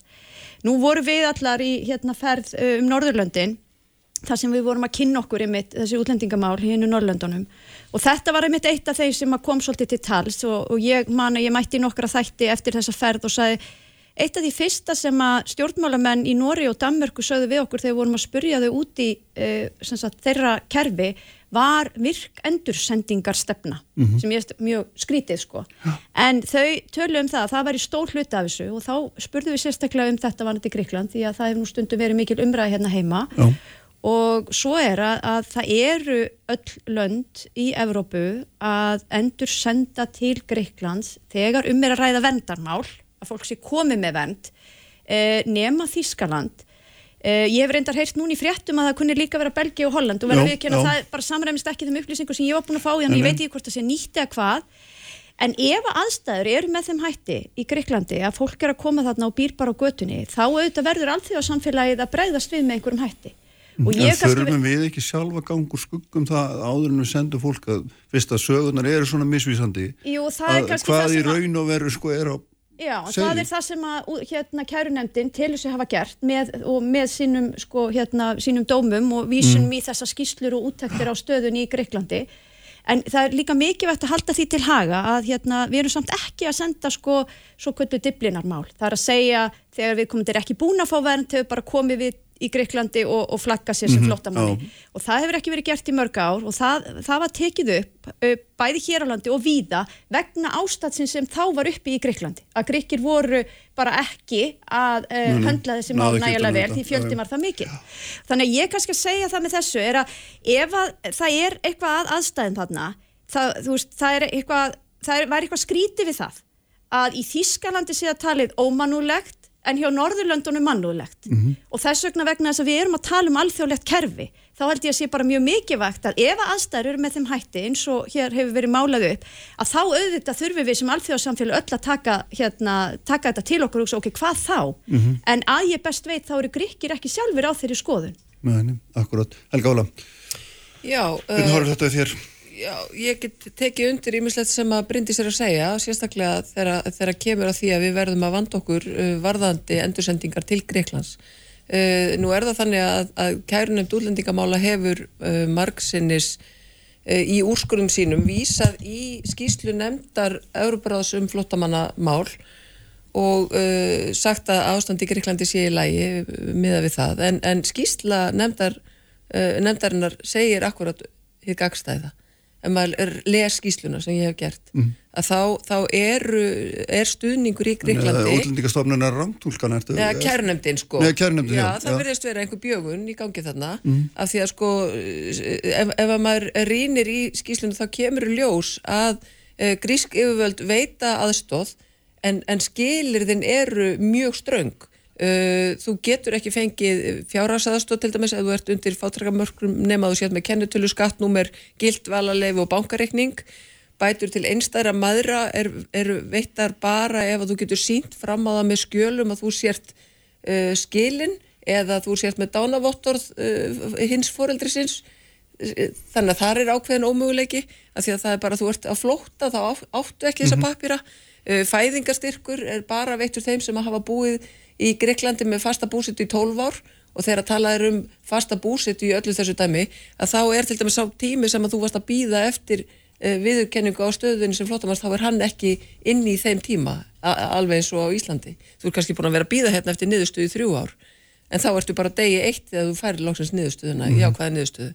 Uh, styrkir til stúdenta bara fyrir ríkisborgara ellilífir eru bara fyrir þá sem eru búin að vera í 15 ára eða lengur í landinu og svo framvegis. Þannig að þegar á hólminn er komið jú, þú átt rétt á einhverjum stuðningi en þú þarft að hafa búið í 10, 12, 15 ár til þess að fá stuðningin og þetta er letrið sem að Íslands stjórnvöld verða að, að lesa og, og, og, og, og gömgefilega þegar þau taka ákvörðun um að það sé einhver vernd þarna. Af því að staðan er þessi við erum ekki að senda fólk á grundvöldu döblin þar að segja þ- þá sem er að býða að því að við teljum að aðstæður í flóttamannabúðum séu ómanúðlegar en við erum tilbúin til að senda fólk út á götuna. Og því var haldið fram að svo væri ekki hérna fyrir helgi en það bara var ránt að því að Ert fyrir því að, að, að fallaði maðurinn sem, sem að hérna á þarna tvær systur og, og, og móður, ekki föður, hann, hann var dreppinn. Uh, ástæðan fyrir því að hann er komin í húsaskjólar vegna þess að kennarar í ármálaskóla slóðu saman í, í Airbnb Mm, íbúði í einn mánuð, þess vegna er hann ekki á göttunni það er ekki grísk, grískum stjórnvöldum að þakka og svo sannlega ekki íslenskum. Mm, Vitið, þannig að við þurfum að við þurfum að vanda okkur þegar við erum að tala um þessa hluti. Þetta er ekki raunveruleg vernd sem að er verið að bjóða fólku upp á Mhm. og, og það hafa einstaklingar og félagsamtök staðfest Jóti, hérna, Guðmundringi var hérna hjá mér fyrir skemmstu og, og saði þá að hérna, við þurfum að skoða nákvæmlega þetta. Hver er ykkar aðstæða? afstæða? Okkar afstæða. Við höfum auðvitað talað og tölum og í okkar stefnu fyrir því að, að þessi mál séu unnin af mannúð og ég hef sjálf uh, Myndur talað þú segja að ykkar stefni hafa það verið fyllt? Eða? Ég held að sko gríðarlega stór hluti að því var að skipta upp uh, málunum þannig að þjónustan sé komin eh, yfir í hérna, félagsmálaráðanettið til Guðmundar og a- öll þessi skref sem verið er að taka eru auðvitað til þess að við getum gert þetta faglega og af mannúð. Uh, síðan er auðvitað í þeirri stöðu sem að heimurinn er í í dag hægt að finna uh, einstaklinga sem að upplifa þetta öðruvísi og þá er, er þá sagt, já, er ekki stefnu vafki að fyllt. Ég ætla nú ekki að taka undir það en mér finnst mikilvægt að koma inn á það að sko umræðan um Gríkland, hún hefur verið gríðarlega eh, flókin, Eh, hlutum er haldið fram alveg á, á istu nöf pólana, annarkvort er þetta algjörlega óviðunandi eða þetta sé bara allt í fína lagi. Og svona það sem að ég verið að kynna mig þá, þá hef ég nú séð að mikið af fréttum sem hafa verið í gangi eru talsvert gamlar og Evropasambandið og hefur auðvitað veitt gríðarlegum eh, fjármunum til Gríkja til að vinna í þessum málum. Og það sem að ég sé er að það hefur uh, gengið vel. Uh, ég hef talað fyrir því að á, ef að Ísland ætlar að senda fólk til Greiklands þá finnst mér mikilvægt að Íslands stjórn, stjórnvöld sendi þangað einhvers konar nefnd og bara takið þetta út uh, almennilega. Mér finnst það mikilvægt því að sko svo, svo fær á flug sko býtu, er, er þá flótafólkið að segja ósatt? Er þá, er þá þau sem að segja þetta sé allt í lægi að segja ósatt? Og, og, og hverju á að trúa. Þannig að mér finnst mikilvægt að við skoðum það. En mér langar líka að benda Kannski væri það heppilega að vera búin að því áður maður sendir fólki á staðan, ekki satt? Ég, ég meina hlutinni bara breytast hratt og fólk hefur verið hefur verið brottvísað frá Íslandi lengi já, og rétt. fyrir stríð og eftir stríð og, og aðstæður breytast og, og þessi fádæma sko gríðarlegi fjöldi hefur auðvitað þessi miklu hérna áhrif í Gríklandi eins og allstaðar annar staðar en við skulum líka átt okkur á því hvaða er, hvað er mannsæmandi Hva, hvað eru við að horfa á þegar fólk er brottflutt, eru við að horfa þá á ellilíferi fyrir þetta fólk skilur eða eru við bara að horfa á að þau komist í húsaskjól fái þessa almennu grunn þjónustu hvað til finnst þér? þess Hvað finnst þér? Er Já, það nóg? Að það komist bara í húsaskjól? Komist einhvers Já, mér finnst mikilvægt að þau komist Já, í húsaskjól. Ég já, bara að byrja á því, en, en sko, hvernig grykkir svo vinna úr því til Mhm. næstu mánada og ára, ég held að við getum nú kannski ekki alveg stýrt því, sko, og ég spyr líka það flóta fólk sem er hér, í hvaða stöðu er það, þau sem fá vernd og verða hér áfram, þetta þau öruglega öll beint inn í bara fullkomið íslensk kerfi. Maður heyrir nú að bæði eldri borgarar og öryrkjar er ekkit alltaf sælir með sinn hlut, þannig að maður spyr sig, hva, þú veist, er, er, er allt svona gott hér eða hvað? Já, en, en, en svona, sko, hérna, þetta er alltaf spurningunum. Hver eru lámaskröðunar?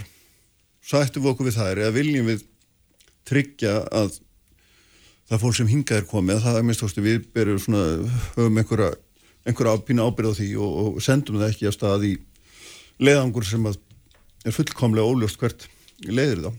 Já, ég held að það sé ekki fullkomlega óljóst, ég held að það sé einhverja blíkur á loftu um það hvort það sé nákvæmlega svona eða hins eginn og þess vegna ítrekka ég bara, ég held að það væri mjög gaglegt að hérna að Er það næst að skrefa, senda, senda nefndi Gríklands til þess að, eða, Ég, og, og kanna þetta? Ég- með ég það ekki, fólk fá að sjá það- þetta með eigin augum, Já, já, mér finnst það ekkit, hérna, það, það er ekkit sko galin hugmynd en ég, ég bara held líka að við þurfum svolítið að kannski vinna þetta með öðrum þjóðum, hvort sem það eru Norrlanda þjóðir eða aðrar Evropu þjóðir sem við gjarnan berum okkur saman við. Þess vegna vísa ég í það áðan, ég menna það eru allar þjóðir að senda tilbaka ef að við komandi hefur fengið vernd og ég held að það sé líka mjög mikilvægt út af því að það er svo margi sem hafa komið að máli við mig eftir að þetta kom hérna upp í umræðina Já. Og spyrja býtu, hvað er að senda þetta fólk? Ég held að sé svo óbúslega mikilvægt líka að fólk átti sig á því að ef að fólk er með vernd annar staðar og kemur hinga til lands, þá er það yfirleitt þannig, nema það geti sínt fram á sérstök tengslega sérstakar aðstæður að fólk fær sinjun. Og það er með löglegra fulltrúa sem fylgir sér bæði í umsóknarferlinu til útlendingastofnar og til kærunemdarinnar. Mjög margir er í þeirri stöðu og svo hlýta þeir fylgmærum stjórnvalda og fara. Við borgum fyrir þá flugmiðan út. Þannig að þessir aðilar sem núna voru brottflutnir varu þetta búið að ítrekkað uh, reyna að, að þau færu sjálf á eigin döm. Þannig að þegar fólk segir, má þetta fólk þá ekki bara vera einna? Og auðvitað getur maður verið mannlegur og horta á einhverju stúlkur í ármúla og sagt bara jú, endilega. En þá verður maður líka að hugsa, en hvað með alla hina sem að fylgdu bara reglunum og fóru? Þannig að ég held að það sé svolítið mikilvægt að við, þú veist, horfum á þetta sem, sem kerfi og ég held að þetta, þetta er alþjóðlegt kerfi að þá sé eðlilegt að reglurnar séu sambarilegar í flestum löndunum og ég hef viljað horfa til þess að vera bara sambarilegt því sem að gerist á hinum Norðurlöndunum og ég held að við, eh, ég, mér skilst að Noregur hafi nú sendt nefnd til Gríklands uh, uh, hérna og það er verið að vísa í alls konar útækti þannig að það er auðvitað bara eðlilegt að við horfum til þess. En ef að aðstæður eru með þeim hætti sem hér er verið að lýsa og hefur verið málað upp, að þá held ég að alþjóðarsamfélagið allt þurfi svolítið að taka það til sín. Og alveg eins og Jótís talaði um, ég meina, Gríkir fengu mjög mikla aðstof vegna þess að þeir, þeir voru auðvitað í mjög vondum málum hér á Já, sínu tíma. já, já, já, mikill Þannig að- erfitt að- Mikill já. straumur og, og það er auðvitað ekkert sangjant að bara út af því að ríki liggur hérna að, að hafi að þá taki það á móti öllum. Auðvitað er þetta alþjóðlegt samstarf og við þurfum að vinna á þessu saman Mhm. og kerfið er svona uppsett vegna þess að það á ekki vera hægt að vera með umsókn í gangi eða búin að fá vernd á mörgum stöðum. Það, eru, það hafa aldrei fleiri verið á flótta í heiminum í dag. Nei. Við heldum þessi óðbúslega mikilvægt að við bregðust við. Og þá er spurningi byttu, er rétt að fólk sem er komið vernd annar stað sé líka að fara á milli landa og sækja aftur um vernd eða þurfum við að fókusa á fólk sem ekki hefur fengið vernd og sjá þá til að þau ríki sem að hafa verið að veita fólki vernd sé að veita raunverulega vernd. Það er kannski svo leið sem að ég myndi vilja horfa til. Já. Já, uh, ég held að, að hérna, Bryndís talar um mikilvæg þess að við, við, við gerum okkur grein fyrir því að hér séum við að tala um kerfi og, og hérna og, og uh, að fara eftir því. Ég held að það sé mikilvægar að við gerum okkur grein fyrir því að hér erum við að tala um fólk uh, og uh, það er raunin eftir breytingar á uh, flótamannalögjöfinni, útlendingalögjöfinni í Greiklandi fyrir tveimur árum, 2020 að þá versnaði staða þeirra sem eru komið með vernd í Greiklandi mjög Uh, staða þeirra sem eru að býða er, er örlíti betri en staða þeirra sem er, eru komni með vernd hefur vestnað mjög. Uh, Þískaland, Belgi og Holland þá þurfa þeir að sjá um sig sjálfur já, já, og það er ekki þessi réttindi sem, að, sem að hinn almenni grikki nýtur. En uh, þess ber að geta að uh, velferðarkerfi gríska er lemstrað. Það, það er þannig líka fyrir hinn almenna gríkja en, en þetta fólk kemst ekki inn í það kerfi fyrir en eftir, eins og ég sagði það 10, 12, 15 ára búsetu. Uh, við erum ekki að tala um að allir eigi að fara á ellilíferi uh, en, en það er nöðsynlegt að þú hafir einhverja framfærslu.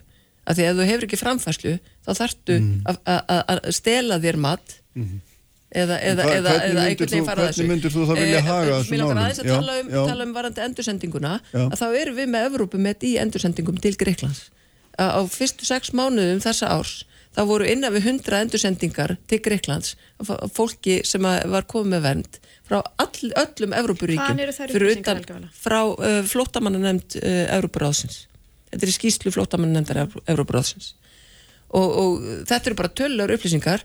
Uh, Ísland hefur eins og er ekki skilað tölum þarna inn þannig að þær voru ekki með en, en við höfum sendt held ég 30 og eitthvað á þessu ári. Þannig að við erum, við erum Evrópumestara þarna og ég veit ekki hvort að við ættum að vera stolt af því að, að senda svona marg En hvað myndur frá vilja gera í málum þar sem að fólk hefur hérna, vend í öðru landi, Sko- sækir um vend hér og um, viltu þá í, í veita þeim öðru landi, það þetta fer eftir í hvaða landi. Mhm. ég meina, það er fylgt af fólki sem er með vernd í, á, á Norðurlöndunum til dæmis og í Evrópuríkjum það sem er verið að, að veita fólki Mhm. þetta skjól sem að þarf. eh, í Þískalandi, Belgíu, Hollandi og, og víðar.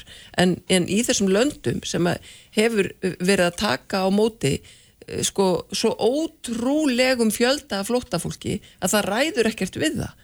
Það er staðan, það er ekki staðan hjá okkur, alveg sama þó að það sé talað þannig í dag að við, við, það sé eitthvað neyðar ástand hér, lang flest fólk að flótta uh, flýr yfir landamöður og fer til nágrannaríkja ef við tökum til dæmis Líbanon sem dæmi það búa 2,5 miljón manna í Líbanon það eru 2,5 miljón af sírlenskum flóttamönnum í Líbanon bara svona sem dæmi, lang flestir frá Venezuela hafa farið yfir til Kolumbíu, lang flestir frá Sýrlandi hafa farið yfir til Jórdaníu og annara nágrannaríkja. Þetta er raunveruleikin og auðvita hefur þurft að veita Greiklandi umtalsverðan fjár, fjárhagsstuðning. Mhm. Að, þú veist, fyrir má nú vera, en það eru sko flóttamannabúðirnar Þannig að stút fullar. mat er það, þá er, að- það er verið að setja peningana þangaðinn. Þitt mat er þá að við eigum bara að bjóða fólki eh, eh, eins og í þessum tilvikum Já, bara að vera hér við- áfram. Við eigum að skoða mál þeirra Mhm. eins og er verið að gera uh, sko, víðast hvar annars staðar í Evrópu. Þannig að það er rámt að flest Evrópuríkin sé að senda aftur tilbaka. Mhm. Það er ekki rétt með við þessar tölur sem að eru bara svartar og hvítu í skýslum, ofinbyrju skýslum frá Evrópuráðinu. Þetta er samt ekki samræmið við það sem að kollegar okkar í Danmörku og Nóri sögðu. sko. Nei, og mér langar jú, líka að jú, benda jú, á jú. það að við hérna erum Það er auðvitað ekki ekki bara að brottvísa til Greiklands. Nei, alls að nú er fólk til dæmis uh, verið að brottvísa uh, hér fólki sem hefur verið í fjölmjölum til Ítalíu sem er gríðarlega ósátt og segist enga möguleika eiga á neinu lífi á Ítalíu. Mhm. Þannig að sko, þú veist, að taka Greikland út fyrir svega. Vandin er stór uh, og ég held að það sé líka gríðarlega mikilvægt að það komi líka inn í umræðuna að það er verið að brottvísa fólki og það er náttúrulega ekkert uh, jafnræði í því að þau sem að eiga tengst, eiga vini eða eitthvað þrýstihóp á bakvið sig fái þá aðra meðferð eða úrskuð að því að flestir hafa það ekki. Þannig að þú veist, það er búið að vera brottvísa allt árið en svo fáum við eitt og eitt dæmi sem fer í fjölmiðla og þá fyrir allt á hliðina. Þetta eru öll sársaukafull og erfið mál að sjálfsögðu og ég held að við getum öll þvert á, á flokka og pólitík verið sammála um það að við vildum óska þess að hér gætu við bara sagt, heyrðu, þau fá bara öll að vera. En það er bara að mínum mati ekki reyndin og þess vegna erum við með eitthvað kerfi sem að var samþygg Myndur þú vilja það eða ekki? myndi ég vilja að allar þær manneskur sem eru á flótta Nei, í heiminum fengju að vera nei, bara á nei, nei, Íslandi? Nei, nei, nei, það var neitt að tala um. Nei, hvað- hvað ertu að tala um? Þetta, ég verið að tala bara um það sem eru hér og við erum að vísa í burtu Myndur þú frekar vilja að þeir eru hér um Ég kýr? myndi vilja að við hefðum til þess bólmagn til að veita þeim Mm. hæli og framtíð hér. En að mínu mati, og við heyrum það í allari annari umræðu heldur en um útlendingamál, að hér er mikið talað um innviði, hér er talað um bygglista eftir sálfræði Það er pólitísk ákverðun stjórnvalda að hvað? að vannrækja innviðina Að vannrækja innvæði, ok, nú erum við komin kannski dáltilega, já, hér er nóg fyrir flótta- alla. það er ekki flóttafólki að kenna, sko. Nei, það er nefnilega alls ekki þeir eru að kenna En það mun ekki auðvelda innviðana að taka á móti öllum. Nei, það hvað? okkur ekkert að hafa stjórnvöld sem að vilja ekki fjármagna Nei, nú og hafa flokkir, flokkar verið viðstjórn og, já. og gert ímislegt og ekki gert annað, En verið, gert, er um sem núna er búin að vera í fimm ár Sem að er að taka á móti margfalt fleira fólki heldur en nokkuð tíma Nei, náður að hefur við verið varst að gert. tala um innviðina Já, einmitt, og einmitt er líka verið að byggja nýja landspítala og gera mjög margt í innviðunum en við erum nú ekki hér Já, til en að auðvitað, kannski. það, auðvitað er þetta samt þannig að, að hérna, og það hefur verið það allstaðar í nágrannlandunum og það er auðvitað, það er, það er alveg rétt að það er alltaf, það er ágrinningur um það hversu miklum Reglurnar hafa verið hertar mjög frá já, 2017. já, já, Það þannig fjármunum á að að veita í nákvæmlega þennan málaflokk versus fólk annar staðar sem að hefur ekki nótin í svo skeiðar og þarf að hjálpa líka. Menn, við, við þekkjum öll þessu umræðu, hún er allstaðar og hún er að, er Það að er gjósa upp hérna núna, kannski af auknum krafti. Það er En það er náttúrulega ógeðslegt að vera að- að að etja saman fólki sem að þarf á, á, á Geðslegt þjónustu að eða ekki geðslegt, en Nei, þetta er það samt- það er bara óbúðlegt, sérstaklega fólki sem að, sem að ræður ríkjum Mm, og ég bara tek undir það, við erum með mitt að reyna að forða okkur frá slíku. Og þess vegna fannst mér svo mikilvægt að við værum að skoða hvernig hlutinu væri á Norrlöndunum því við erum kannski svona einhverjum árum á eftir þróunni þar í þessum málaflokki. Og þar var mjög áhugavert að sjá það að það var ekki e, það var ekki svona mikill skoðana ágreiningur þvert á flokka og einsvarandi þetta með brottsendingarna það var, eh, ég spurði sérstaklega líka út að við vorum að skoða okkur fjölmila hvort að það væri fjallað um þetta mikið í fjölmilum þar kannast fólk ekki við það. Þannig að ég held að við þurfum eh, sko, veist, það er eitthvað sérstakt við það, hvernig svona mál poppa upp og eru þá kannski verða þess valdandi að það rugglar svolítið heildar umræðina en út af því að þú spyr hvað á að gera ég meina nú hefur Helga Vala og, og fleiri er það ekki rétt Helga Vala, varst þú ekki með á frumvarpinu eða þingsöldunum að stoppa brott Jú, endursendingar? og ég meina þú veist það er sem sagt á komið fram þessa staði. þingsálutuna til um að stoppa þá endursendingar á hvað er það, Ungverjaland, eh, Gríkland og. Já. Uh, og mér finnst það þá bara heiðarlega pólitísið að þá standi þeir flokkar við það og segja bara nei þá aldrei að endursenda fólk til þessar landa. Þetta er í rauninni sambarlegt og með döblin Það var ákveðið að, að að endursenda ekki að grundvöldi döblin reglugerðar til Akkurat, þessari þryggja já, já, ríkja akkur, akkurat. Og að það var út af einhverjum hérna, hvernig ástæðna voru á þeim Já. tímapunkti. Þannig að en, ég meina, tökum þá einmitt frekar þá umræðu, hvaða áhrif hefur það á kerfið? Mm. er það skinsamlegt ég held ekki, ég held að sé skinsamlegra að láta kerfi virka þannig að þú ert búin að fá vernd á einu stað þá eigir að vera þar með vernd og við eigum að sjá til þess að viðkomandi ríki veiti raunverulega vernd. Ég er hrætt um það alveg og síndi sig hér hjá okkur í tölunum að við vorum það ríki sem var með hvað stæðsta hlutfall þeirra sem komu hinga og ósku eftir vernd fólk sem var með vernd annars þar og það er til dæmis þannig að nágrannaríkjun okkar þekka það ekki. Það er svona spurði ég Helgu vel hérna á, áðan út í þessar tölur. Ég velti fyrir mig, er þetta þá þvingaði brottflutningar eða eitthvað þess áttar? Við vitum það alveg, eftir að hafa verið bæði í Danmörku og Noregi, að þangað bara almennt kemur greinlega síður fólk sem er með vernd annar staðar. Væntalega vegna þess að einhverju tímapunkti voru þau búin að taka það hart á því og þau segir bara nei, við ætlum að taka við fólki sem eru ekki fengið vernd annar staðar. Mm -hmm. Og við ætlum frekar þá að beita okkar tækjum og tólum fjárstunningi annað að styðja þau ríki sem eru búin að veita þessu fólki vernd, hafið ekki bólmagt til þess að gera það. En það er uh, pínu svona uh, bjagað að tala um Norðurlöndin af því að, að, að fyrirkomulagi í Noregi er til dæmis allt öðruvísa en fyrirkomulagi í Danmörku og við sáum það alveg og við mótið og, og, og reglurnar í Noregi eru allt aðrar heldur en reglurnar í, í Danmörku Getum við ekki Þannig að sameinast það um er norsku ekki- leiðina þá? það er Jú, ekki, ég held það er ekki hérna, hægt að bera það saman af því að Danir eru með ströngustu reglur í Evrópu sko. Já, já. þannig að hérna, ég, ég er ekkit vissum að Dönsku kratarnir dönsku kratarnir En getum við ekki saminast um norsku leiðina þá? Já, ég, að einhverju leti, ég meina þau eru mjög mikið að fjárfesta í þessu fólki sem að er komið, við Algjörlega. gerum það ekki bara ekki, bara alls ekki. Ja, við og það er það mannauður miklu sem að betur. við hérna, sem að við erum að fara á misvið Ég held að við séum líka bara komin á það stað. Svo ég komið því nú bara að mannúði númer eitt en við verðum að vera raunsæ. Og það sem að við þurfum til dæmis að fókusera á núna og einbeitt okkur að það er að uh, ná samtalenu við verkalýfsreifinguna að flýta fyrir því að, að atvinnuleifi og hérna að fólk komist hingað og fara ekki alltaf inn í verndarkerfið. Mm Af því að þú veist, þessi umræða Uh, þetta ko- kom ekki til greina og, og gekk ekki 2016 þegar lögin voru samþygt. Þá var bara staðan önnur. En ég held að við eigum núna að, að nota uh, þessa aðstöðu sem við erum í í dag. Þa, það er okkur í lóa lægið að breyta þessu því að hér vantar vinnandi hendur og það er gríðarlega dapurlegt að vera að senda fólk sem að er tilbúið til að koma að vinna. það þarf ekki koma að breyta hérna lögunum til þess sko, þetta er allt í lögunum, það er heimild í lögunum. Það er bara spurning um hva, hva, hver er ordran er úr Já, ráðuneytinu. já, og, Nei, og, og við viljum ekki bara einhverja ordur úr ráðunit, við viljum auðvitað samtal við verkefliðsefngunum, við viljum gera þetta faglega og það sem mér finnst skipta mestu máli í útlendingamálunum er að við gerum þetta í, í þokkalegri sá.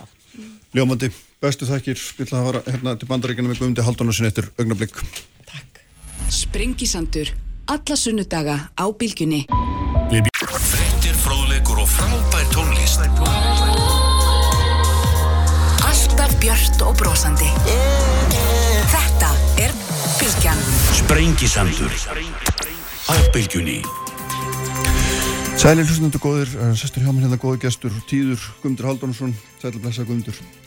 Professor Sækfræði við Háskóla Íslands uh, hérna, svo við ætlum aðeins að tala um kostningarnir í bandaríkjunum og mér langar þess að svona uh, hérna, nú er þetta þannig að ökkum í ljós í morgun að demokraternar halda öldungdeldinni en, en hérna fulltrúadeldinni er nú ennþá aðeins er en, en, en svona sko undir niðri, undir þessum tölum öllum þar kraumar þetta sem það kallar cultural wars, menningastríð sem að klýfur bandarísku þjóðina í herða niður og maður sér svo víða núna að, að menn er í fullri alvöru að tala um að þetta geti leitt til vopnara átaka.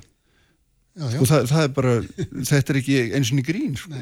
Það eru auðvitað sko, bandaríkjun hafa tekið þá stefnu að, og, og meiri hlutin að, að alltaf að slaka meira og meira á í öllum reglum um vopnaegn og, og þegar, að, þegar að þú hefur svona eldfind ástand eins og er í bandaríkjunum þar sem að, að eh, landið er svo klofið í fylkingar þar sem að menn eru hættir að geta að tala saman og, og þar sem að menn eh, raunverulega álíta að, að hinn andstæðingurinn að, að, að hann eh, já, ætli að keira landið já, út í eitthvað fenn og þegar að það blandast saman við þetta að, að, að, að það eru byssur menn eiga byssur út um allt það eru, hvað, ég man ekki hvað eru margar byssur á hvern einstakling heldur sem 400 miljón vopn og það eru kannski eitthvað örgulega miklu fleiri sem eru óskráð. Já.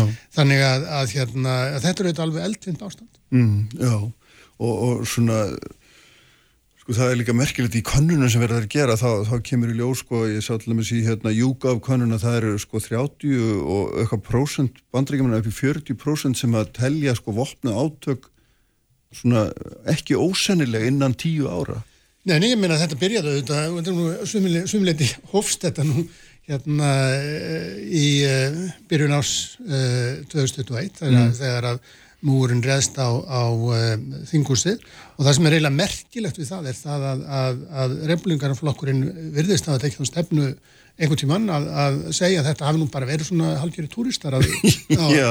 stemtireisu sko Ég er alveg við þið fordæmdu Já. þetta náttúrulega upp að þeir eru, eru svo og eru svo hrættir við, við Trump að þeir þóra ekki að, að fara á mótunum og, og hérna og þetta auðvitað á vissanhátt réttlætir svona hegðun og, og ef að, ef að ef að annars stjórnmjörnflokkurinn, stóru flokkan í bandaríkunum er búin að réttlæta það að menn ráðist inn í þinghúsið, mm. hótið því að drepa varafórstaða já. og segja að það sé bara, já, svona, bara allt í er svona bara frjálstjáning að þá þetta er, er, það er ekki gott ástand. Nei og svona svo, þegar maður leggur þetta svo saman við það gríðala vantröð sem er ríki núna í garðanast allra stopnuna menn náttúrulega öllum hóttum grafa markvist undan Já, já. bæði allríkinu og, og hérna ríkjónum sjálfum stopnunum þá, þá svona, ég veit ekki með það er engin vand að draga upp mjög dökka mynda þessu Nei. Sko það er tvent í þessu sem við þurfum að hafa í huga sko. Í fyrsta lagi þá hérna er það auðvitað graf alvarlegt mál þegar að, þegar að þáttakandur í, í, í kostningum neita að viðurkenna niðurstöðun mm. því að þetta allt saman hvílir á mjög svona á mjög svona að mörgundi veikum fótum líðræðið er mjög veikt kerfi að því að það, það er háð því að menn, menn treysti kerfinu menn trúa kerfið og menn mm. telja þetta kerfi e, sé það eina rétta og, og þú viðurkennir þegar þú tapar en þú hins vegar best fyrir því að vinna næst og, og, hérna, og telur þig eiga sigurinn, eiga sigurinn skilin. Þetta er annað atrið og Trump gengur gegn þessu fyrstur manna og, og hérna, heldur, heldur ennþá því fram að kostningar 2020 hafi verið, eh, hafi verið þeim, þeim hafi verið, verið, verið sigurinn hafi verið stóli frá sig en hins vegar getur við svo aftur litið á nýðustöðu þessar kostningar sem ákveði svona ákveði skilaboð frá já, stórum hljóð hópi kjósenda um það að þeir líði ekki svona málflutning mm. vegna þess að, að þeir aðilar sem að svona þessu halda stífast fram þar sem að var í raunverulega einhver keppni að þeir töpuðu jáskvar í þessum kostningum. Já, já. Þannig að það má lesa þessar kostningar, þessar kostningar áttu republikanar, undir öllu vennilum kringustöðum hefur republikanar að vinna þessar kostningar með glæsibrag, með já. vinna svona 40-50 fulltrúa meðluta í, í fulltrúadeildinni og ég öllverðlega svona að vinna, eh, vinna þó að það hefur erfiðar öldungadeildina. En þeir tapa fylgi öldungadeildinni, þeir tapa einu þingmanni. Það er vantalega, það er reyndar ekki komið alveg ljós, nei, nei, en, eftir að komið ljós. Já, já. en að minnskvasti ná, þá ekki, ná, ná, ná ekki ekki meirhluta og í, í fulltráðdeildinu verður þetta mjög tæft og, og reynverulega verður fulltráðdeildin algjörlega já, hún kemur óstarfhæf í sjálfu sér vegna þess að, að, að það sem að gera það verkum, það var mjög lítill meirhluti hérna e, þingmanna e, demokrata mm. en það er bara demokrata þingmannum að stjórna með harðri hendi Nancy Pelosi sem að er að mörguntalin e, svona færasti svona meilhuta e, stjórnandi í sögu bandaríkjana að, að, að, þannig að henni tókst að halda þessum margleita hóp saman Já. en þegar að replíkana koma saman að þá verður hver hundun upp á móti annari vegna þess að þar eru, eru ansistórhópur fólk sem eru, eru svo miklu, mikið öfka fólk mm. að, að margir aðri þingmenn koma eiga, eiga republikana eiga, koma til með að eiga mjög erfitt með að vinna með þeim. Þannig var þetta hér þegar þeir voru síðast í meirluta og það verður ennþá verða núna. Já og það, það sem er náttúrulega merkilegt líka og ég verða við kenni ekki, eh, ekki handtalið þetta sjálfur en ég held að Economist hafi talið að það voru eitthvað tæmlega 400 frambjóðundur á vegum republikana sem mm. voru sérst yfirlýstir andstæðingar þess að kostningaúslutin síðast Já. væru lögmætt sko.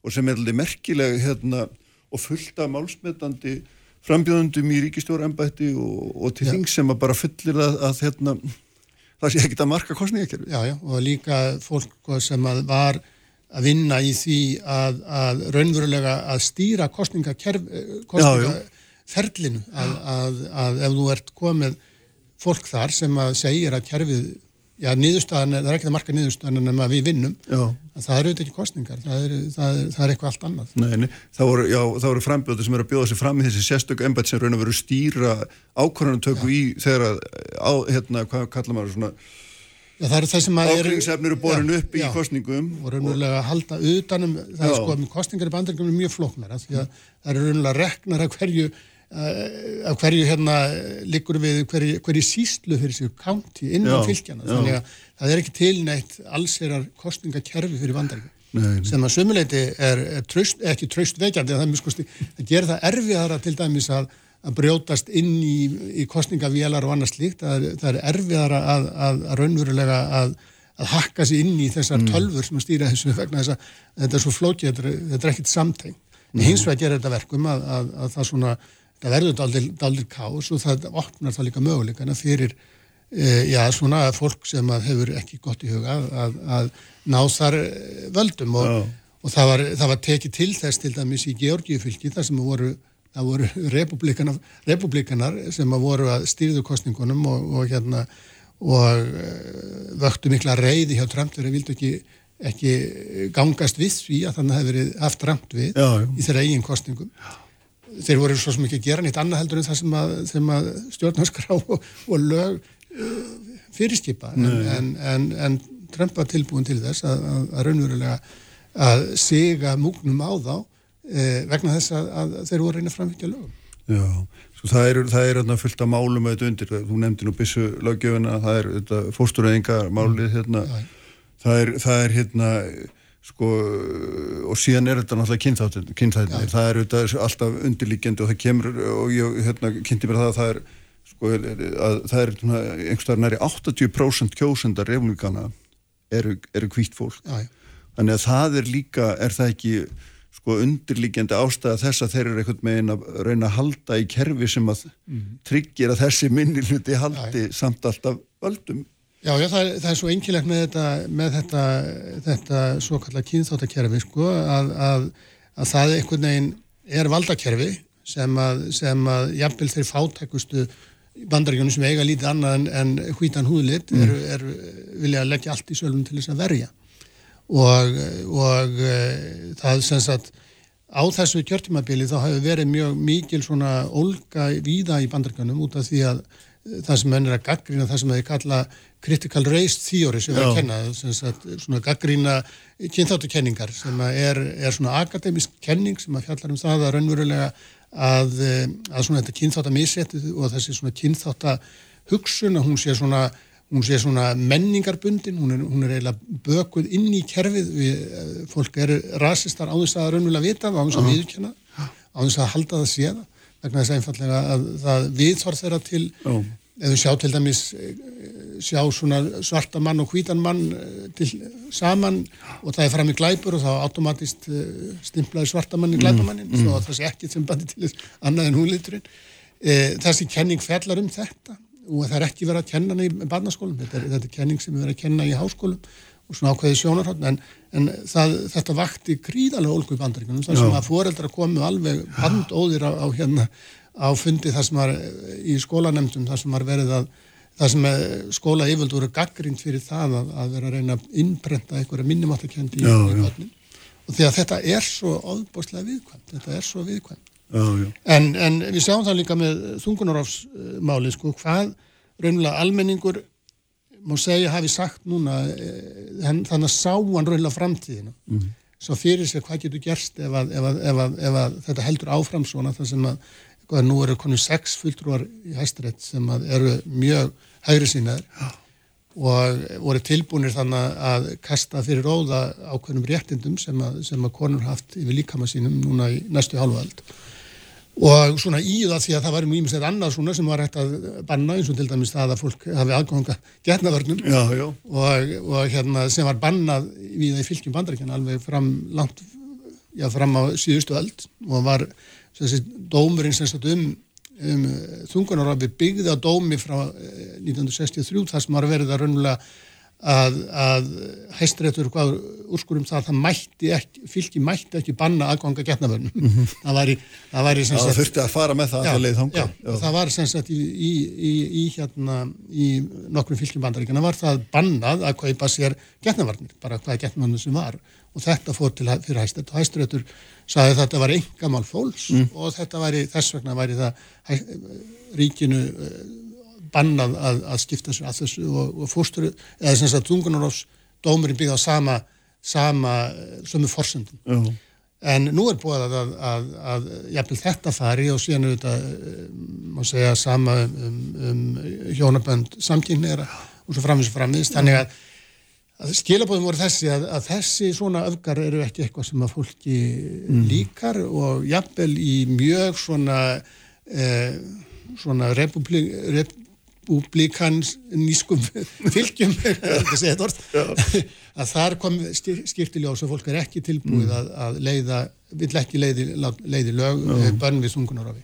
En maður sér samt sem áður að hérna, þeir sem eru að fjalla með þessa stóru mynd sem við erum að reyna aðeins að kortleggja hérna, eru svona þó nokkuð margir að, að, að segja að, að þetta er óhjókamli þróun, þessi, þessi klopningur og þessi átök, þó að það verði svona örlítið bakslag í hana, þá mun hún halda áfram vegna þess að gjáin er svo djúb og, og, hérna, og skoðanamunurinn er svo óbúðslegur. Hann er, hann, hann er gríðalegur en í sjálfu sér sko þá með eigum ekki gleyma því að, að þeir sem að ganga svona langt Mm. eru tilbúin að taka til vopna til þess að, að, að, að reyna að já, ráðst á þingus og svo framvegis.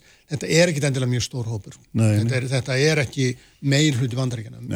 og, og hérna og því ég held að það sem er vandin sem við stöndum fram fyrir er sá að, að hérna að republikanaflokkunum verður að hreinsa til hjá sér. Mm. þar eru, eru við völd öfgamenn, algjörur öfgamenn. Þetta hjálpar demokratum að því að þeir eiga miðjuna og sem betur fer þá er nú kannski stór milhuti kjósenda nálagt miðjunni ef þú keirir allt út í öfgarnar þá, ertu dæmdu til að tapa eða taka vopn. Já. Við sjáum hérna hvernig það verður, ég er vissum guðmundur, þetta er ekki síðast samtal okkar um nákvæmlega þessi efni en hérna sprengisendunum er allavega lokið í dag Ívar Davíð Haldursson stýrið útsendingu eins og hann gerir alltaf allt efni bilgjan.is, vísi.is og í bilgju appinu hvar veitna það sem þið finnir hlaðvörp svo erum við með ykkur aftur eftir viku, verið sæl